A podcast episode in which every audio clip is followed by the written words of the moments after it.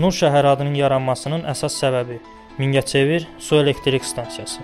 Kür çayının Bozdağdan keçdiyi yerdə yaradılmış su elektrik stansiyasının tikintisi 1945-ci ildən başlamış və 1953-cü ildə başa çatmışdır. Azərbaycanın müxtəlif rayonlarından Mingəçevir su elektrik stansiyasının quraşdırılması ilə əlaqədar olaraq böyük sayda insan gəlib. Ümumilikdə isə bu stansiyanın tikilməsində 20 min insan iştirak edib.